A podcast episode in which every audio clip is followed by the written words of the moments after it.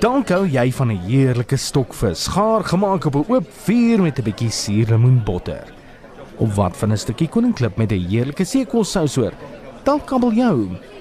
Hoe dit ook al sê, die wêreld se voorraad vis is onder druk. Maar hoe weet jy wat eenvoudig in 'n restaurant sit en niks vermoedend 'n stukkie bestel om 'n heerlike kuier beter te maak nie?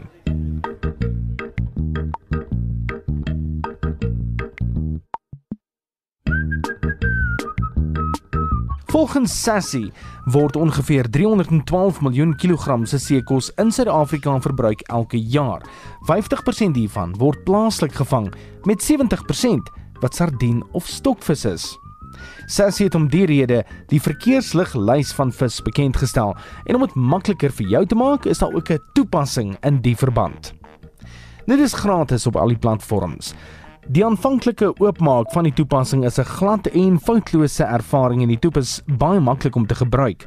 Ek soek byvoorbeeld vir stokvis of hake en die toep sal dan vir my sê in reële terme of dit op die groen, oranje of rooi lys is.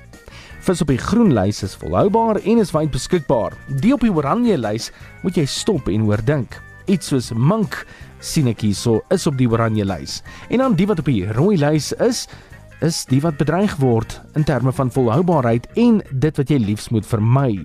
Die goeie nuus vir jou en vir baie mense is dat Suid-Afrikaanse gunstlinge, mossels, stokvis, albei op die groen lys volgens die toepassing is.